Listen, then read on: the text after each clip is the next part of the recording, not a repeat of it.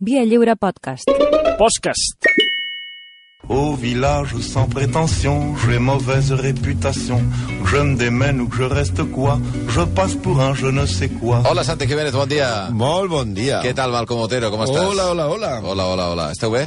Sí, totes aquestes ampolles d'aigua rares, Què vols dir rares? aquí hi ha una mitja, una No, perdona, és que... D'aquesta d'aquí. eh? Això no us n'heu assabentat. Aquesta és la... la Aquesta és la RAC1 Aquesta és la que ens van regalar a tots els membres de, de la ràdio i que substitueix les, les antigues ampolles de plàstic. Les antigues pessetes. I, I no podem tenir una nosaltres? No tenim fruita, no tenim Però com res. pot ser que... no, no, és que està molt preocupat. És que a, això que us heu posat a dieta tots, Però què? després de l'estiu, ara, la, però què és, per arribar a prims de Nadal o què? És que jo no ho entenc. Perquè aquest... El aquest Marco m'ha perdut molt de pes, eh? El Marco ha perdut molt de massa cerebral, perquè, bàsicament, arriba, arriba aquí a l'estudi i, i, i s'enganxa al vidre com si encara hi hagués fruita i... Sí, la safata de fruita encara no l'hem I recuperat. baveja que sembla el meu gos quan veu una, una barra de pa. És acollonant. Ai, ai, ai. En fi, um, avui què fem? Avui, avui la liem, crec, eh? Ai, sí, no, ja he vist les reaccions que s'estan la- produint. Sí, sí, ahir... Ja m'ho va semblar quan, quan va sortir el nom al grup de WhatsApp del Via Lliure Clar. i, i, Amb temps. us volíem matar amb molt. O sigui, fa tres setmanes que ho sabem. Sí, sí, sí, per això, eh, des d'aleshores no ho, ho heu assimilat ja. Sí, sí, molt. Però bé, és que potser el que voldríem fer avui és fer un, fer-nos un homenatge, un autohomenatge. I també... un- Auto, homenatge. Sí, una masturbació, no, un homenatge. Prou! Per, un, un homenatge... Hosti, tu, de veritat. Fins i tot en els moments menys, menys, menys possibles mi- diguin aquestes coses. Jo em relaxo dius- i penso, bueno, ara ve un tio que... que... A mi em dius autohomenatge i penso només en una cosa. Ah, vinga. Bueno, Oh. i... i Sí, la, la gent aquesta, com nosaltres, i tu també t'incloc, Bundó, que s'han passat nits senceres a les discoteques movent-se com un ànec, com un orangutan, sense cap ritme. I que És la venjança. I que, clar, i que odien ballar, no?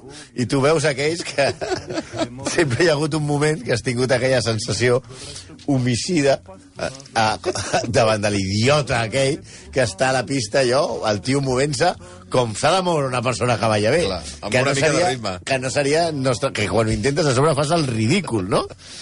Per tant, eh, eh, avui expressarem en aquesta secció el nostre odi al ball.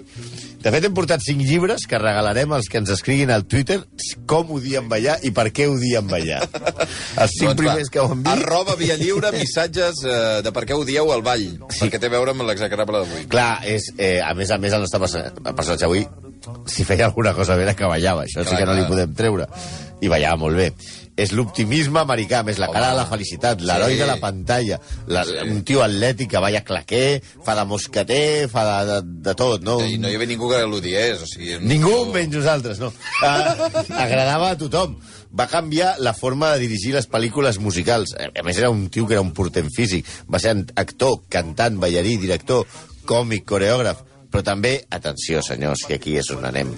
Un tirà, un maltractador, un assetjador sexual, un envejós, un home d'aquests que també li agradaven massa jovenetes, massa legalment fins i tot, molt homòfob i molt egoista.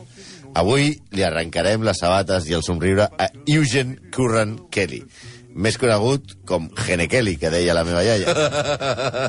o Gene Kelly, no confondre amb Sean Kelly, No. el rei de les clàssiques. Yo subido, subido un adrenalínico Lleva tu oreja, un complejo vitamínico Cuando la historia se acaba, la historia se acabó Nos vamos a Parque y Parque y decimos No, No, vamos va, a Jo no estava vamos esperant. per. Dic, amb la facilitat que tindrien ara, per exemple, de posar Singing in the Rain, alguna Exacte, cosa així. exacte. No la posareu, no? No, però Va, ni aquesta ni cap d'aquest tipus, ni cap dels musicals. Perfecte. No, no. Molt més adequat a aquest tema de O Funquillo. Però anem amb Eugene Curran. Era de, de descendència canadenca irlandesa Com el whisky.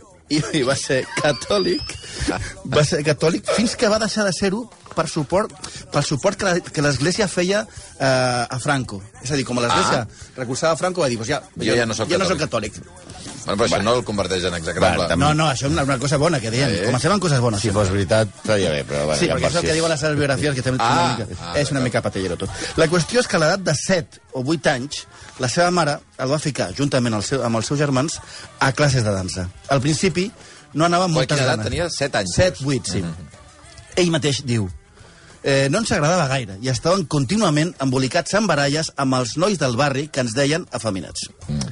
Segons el llibre He's Got Rhythm, The Life and Career of Jim Kelly, ell té ritme, la vida i la carrera de Jim Kelly, un altre llibre que no sabem de què va, la seva mare... El veus allà i dius... No. De qui serà? Mm, Hòstia. de, què- de què anirà? Has de llegir la contra, has de llegir la contra. Un, un sugge- suggerent, el títol, no? De- Depèn que posi la coberta i tal. La, la, la seva mare, Harriet, era una dona dura, que tot, eh, i tot i que els seus fills arribaven de les classes de ball molt sovint coixos, amb macadures i ferides, no es deixaven mai abandonar. Vaja, que aquesta senyora que has fet córrer ha d'aturar-nos. O sigui que ells deien, bueno, ja no, prou, ja no vull més, que no és que em peguen. Tu vas a ballar! No, va, va, no només el pes, sinó que a més a més ballar és molt, és, és molt dur. Uh -huh. sí, sí, la, la dansa és un exercici físic molt poc recomanable. O sigui, us no, no, no. Tu per què odies ballar? Però... No, Sí, però sí, és però com a... Són tots coixos, al final. Home, no. Sí, tenen aquests peus. Sí, home, sí, tio, parla amb un ballarí allò i digue-li, baila ahora, listo.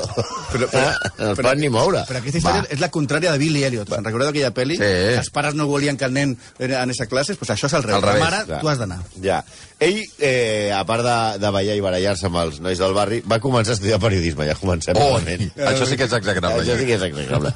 I va acabar graduant-se en econòmiques, que és la carrera, més o menys, el, el procés que fan tots els periodistes, que comencen que estudiant a la Facultat de Ciències de la Informació, pensant que treballaran en un mitjà de comunicació, però que al final veuen que han d'estudiar econòmiques per veure com arriben a fi de mes i com s'han de fer les factures dels autònoms i totes aquestes coses, i l'IVA i tot això. Bueno, ell arriba al crack del 29, el crack del 29 no és una droga, és Ai. una, una cosa que va caure. No, tothom sap que és el crack del No, tothom no. Bueno. I el va fer eh, posar-se a treballar, i ell s'ha de posar a treballar per, per, per, per poder menjar. Si això d'estudiar periodisme i tal, ui, no ja està. pensem que ell Acurrament. estava, estava predestinat a treballar, perquè, com es deia, curren.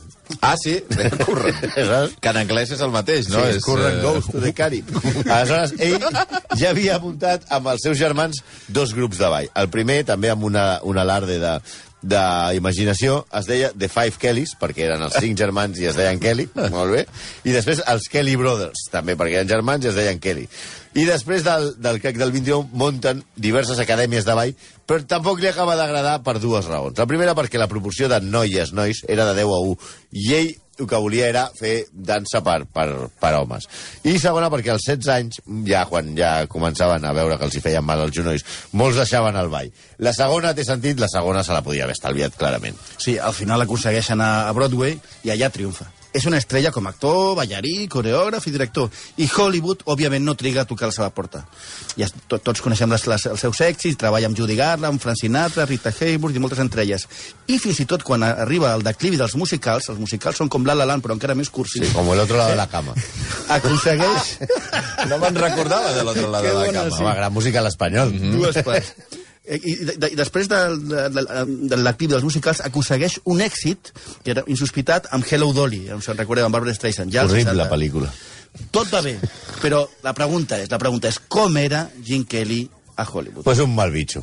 Un, No. un mal... Tot No, això que no, veieu... és De... tot simpàtic, Tu te'l veus allà. És que teniu la imatge de, de, de Singing, Singing in the Rain. Rain. El tio allà enamorat, Eh, eh. cantant allò, agafant-se la farola. Sí, sí, el policia. Qui no s'ha agafat una farola?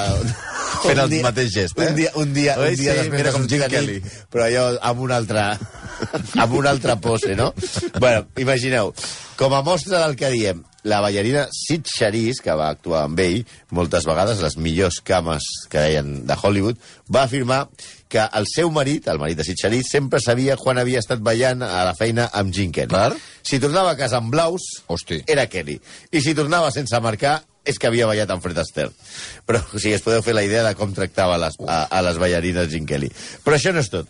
Anem a la pel·lícula, òbviament, més famosa de la seva carrera, que suposo que tothom ha vist, que és Cantant sota la pluja. David Reynolds, la angelical protagonista Sí. de Cantant Hollywood, tenia només 19 anys quan va protagonitzar la pel·lícula. Per aquella escena tan mítica del Good Morning, Good Morning, Sí. It's Great to Be... Mm. Uh, que dura 4 minuts, Sí.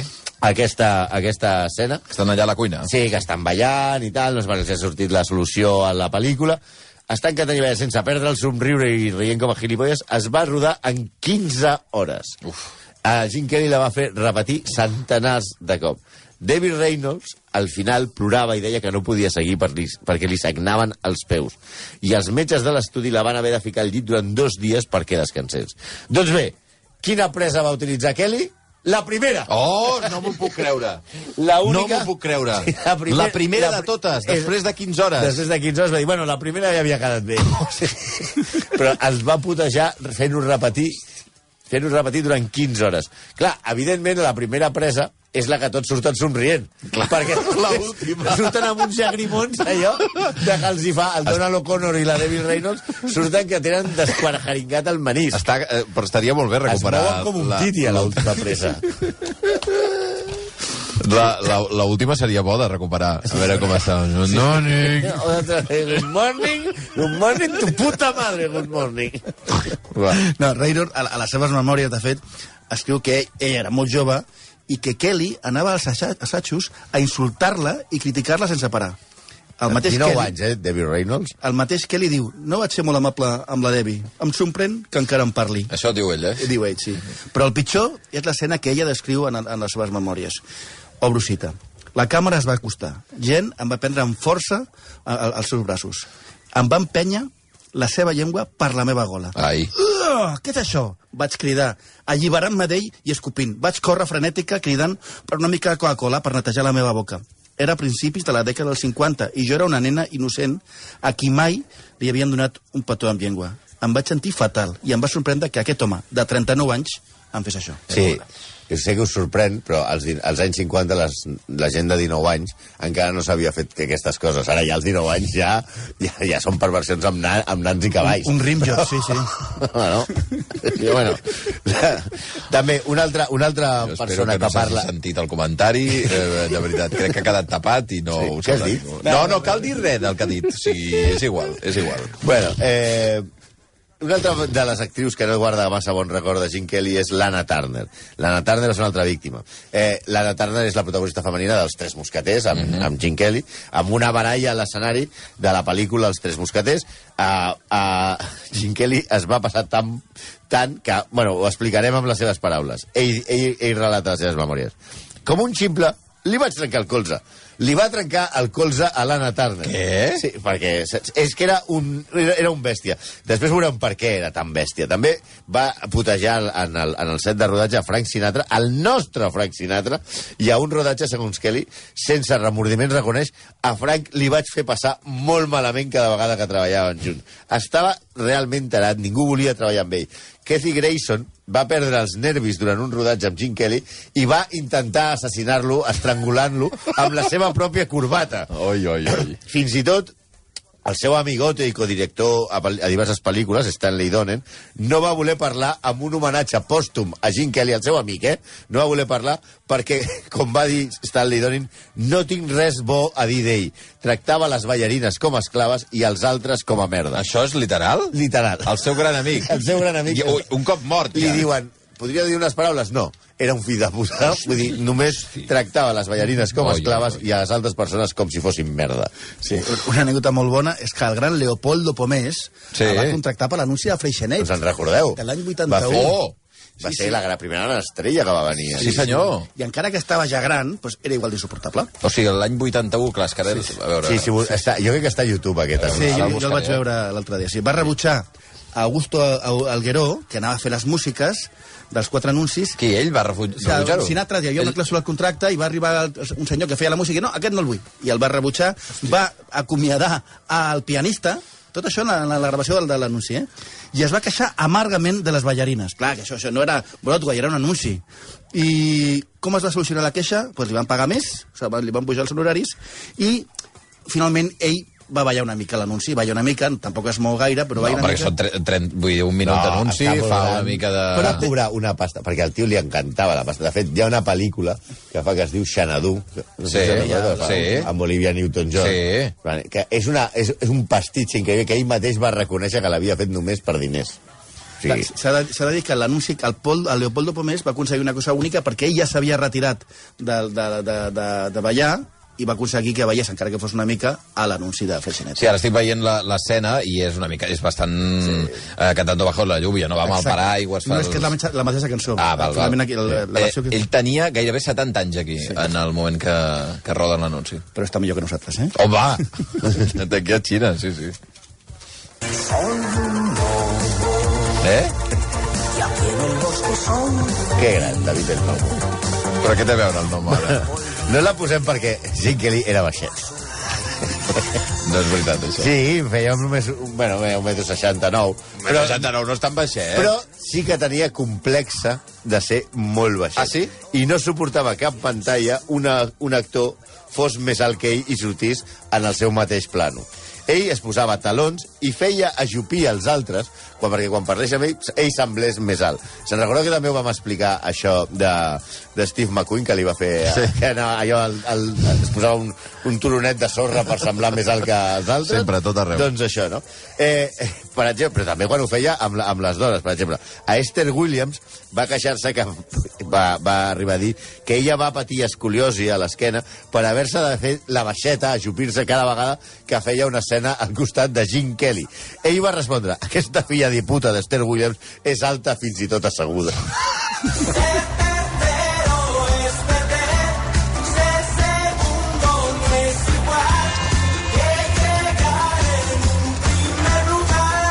Això és el... Miguel Coronavirus. Voy a ganar. Sí, aquesta cançó és perfecta. Bosé, eh? Primer perquè mai havien posat el doctor Bosé, expert en pandèmies, eh, i després perquè la cançó és de gran ajuda per entendre el nostre personatge. No a Bosé, que no qui l'entengui, sinó a Kelly. A Kelly li encantava l'esport i a casa feia festes on es jugava al vòlei. Ha un tio que fa festes i juga a vòlei, ja em perdonareu. Però quina obsessió tenen la gent amb, amb els esports i bueno, les festes, a no ser eh? que es descobreixi que Josep Maria Mainat també muntava partits de vòlei a casa seva. Va, seguim. Bueno, feia, feia festes on es jugava al vòlei entre els amics. Però el famós coreògraf Bob Fosse va explicar, obro citar, mai en la meva vida he vist ningú tan agressiu en un suposat joc amistós. De vòlei, amb una xarxa enmig, eh? Tenia una vena competitiva aterridora.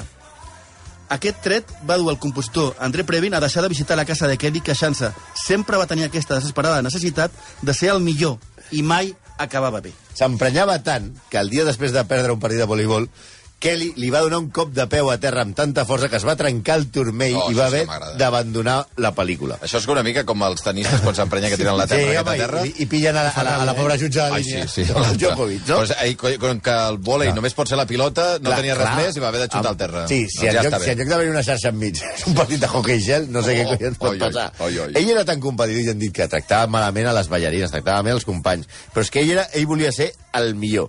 Per exemple, li agradava molt l'esquí i anava a esquiar a Suïssa, a les pistes de Zermatt, tratant de superar esquiadors olímpics que també s'entrenaven allà.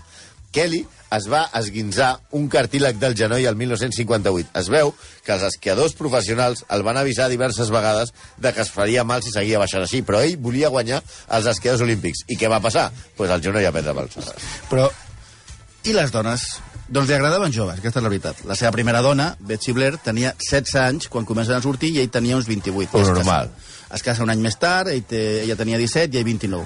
Anys més tard, ella diria, em pregunto una i altra vegada per què aquest home de 28 anys volia a la nena que jo era als 16.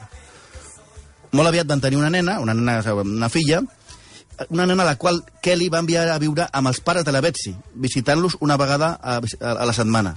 Claro. Més tard, Kelly va confessar que va ser un acte egoista i negligent.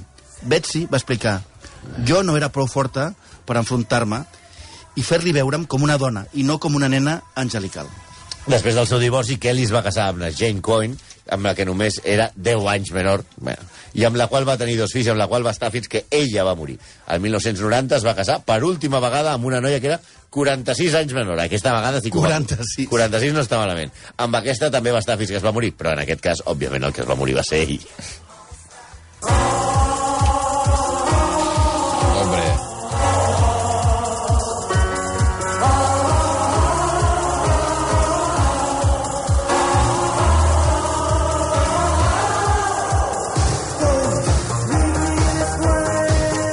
Aquesta, aquesta cançó la posem perquè Jimmy Somerville, el, el cantant, representa el que més odiava Gene Kelly.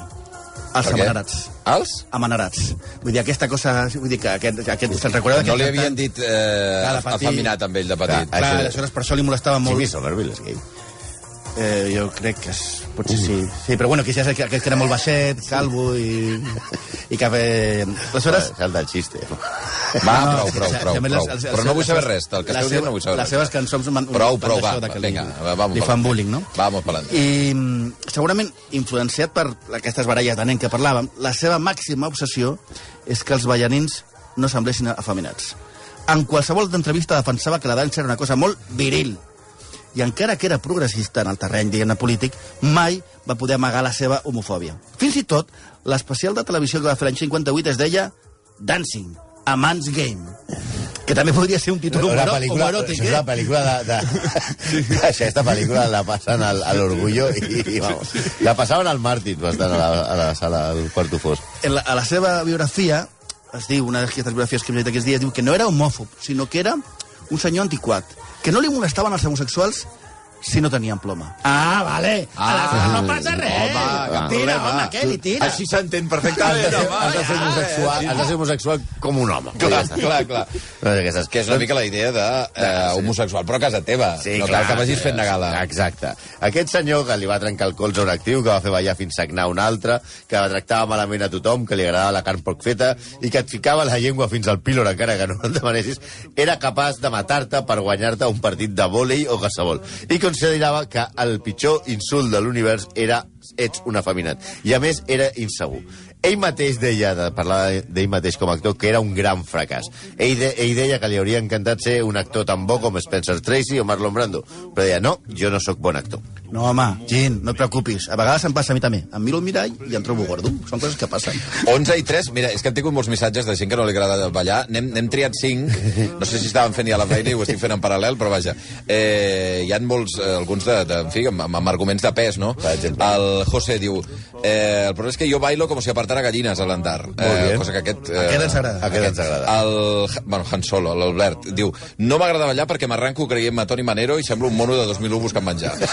eh, L'Anna Quintero diu ho diu el ball perquè, tot i no tenir cap mena de sentit del ritme, els meus pares em van obligar a fer ballet tota la meva Pobra. infantesa i semblava un àrec marejat al costat de les altres nenes amb tutú i jo el que volia era jugar a futbol. Anna bé. Quintero, per ella també el llibre. Què m'hem dit, cinc? Sí. Val. I un parell més. Uh, el, un oient que bueno, es fa dir Guy Bruce Triput, que és, bueno, és un bueno. personatge, diu, jo semblo un llangardaix epilèptic quan ballo, metre 93, cos tipus fideu, no m'he menjat un rosco ballant en la vida, mort al ball. I l'última, que jo crec que és segurament la més significativa eh, i més, més resolutiva del Xavi, diu, "Eh, el ballar és un problema perquè et fa perdre temps per veure. Aquesta. Aquest home, dos llibres. Vull una samarreta. Per ell, pel Xavi. 11 i 4 Escolta, minuts. Ens estan esperant fora. Qui? Els, Aquests, els pantalles, aquests. estan allà armats a l'exterior. Com si no, com si no donessin les idees, ells. 11 i 4, apa, que vagi bé, exagerable. On viendra me voir pendu, sauf les aveugles, bien entendu.